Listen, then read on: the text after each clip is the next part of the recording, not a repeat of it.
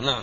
اتهمنا أخا لنا في الله ببعض المحرمات ولكي نتأكد منه اجتمعنا مرة في منزل بعض إخواننا في الله وحدث أن جاء ذلك الرجل الذي كنا نعده مستقيما نعده مستقيما ولكن سمعنا من بعض الناس اتهامه ببعض المحرمات.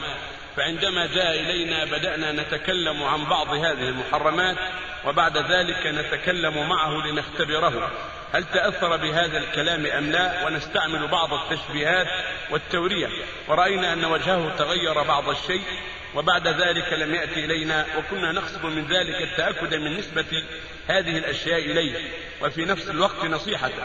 ولكنه يبدو أنه لم يقبل كلامنا لأننا نستعمل هذه التشبيهات والتورية والنصيحة على مسمع من المجلس الذي يظننا أن نحن مخطئون أم مصيبون في طريقتنا هذه. الأمر بالمعروف والنهي عن المنكر جزاكم الله خيرا. على كل حال الواجب على على العلم وعلى الإخوان فيما بينهم التناصح والتعاون على البر والتقوى. وإذا أمكن أن ينصح الإنسان بخلوة مع نفسه ما دام ما أعلم فينبغي أن ينصح في نفسه وأن يتصل به من بعض إخوانه في نفسه من غير شهرة بين الناس لأنه لما سمع الكلام ظن أنه مقصود فلهذا تغير. فالمقصود أن مثل هذا ما دام الرجل لم يعلن المعاصي ولم تظهر منه فينبغي أن تكون نصيحته سرا بينك وبينه حتى لا يظن أنه متهم بين الناس وأنه معروف بالمنكر بين الناس وهو لم يفعل ذلك ولم يعلنه ولم يظهره ولكن إنما هي تهمة وظن وظن قد يكون ظن سوء.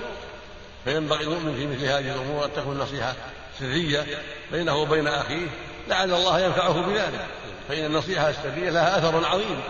أما إذا أظهر المنكر ينكر عليه جهرة لا بأس. إذا عرف بهذا المنكر تأخر عن الصلوات تعاطى المسكرات جهرة حلق لحيته جهرة معروف حط إليه معروف ظاهر. وما أشبه ذلك شيء ظاهر ينكر ظاهرا أما ما يظن ظن فينبغي أن تكون بينك وبينه وأن تستعمل العبارات الحسنة. فإني أخشى كذا وقد بلغني كذا. تقول له العبارات المناسبة.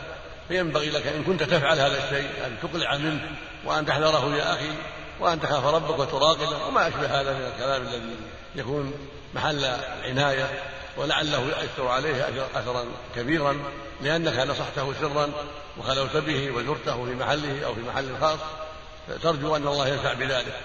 أما الإعلان مع عدم ظهور المعاصي وعدم ظهور البدع فهذا يخشى منه سوء يعني الرد الذي لا يناسب يعني يخشى منه العكس.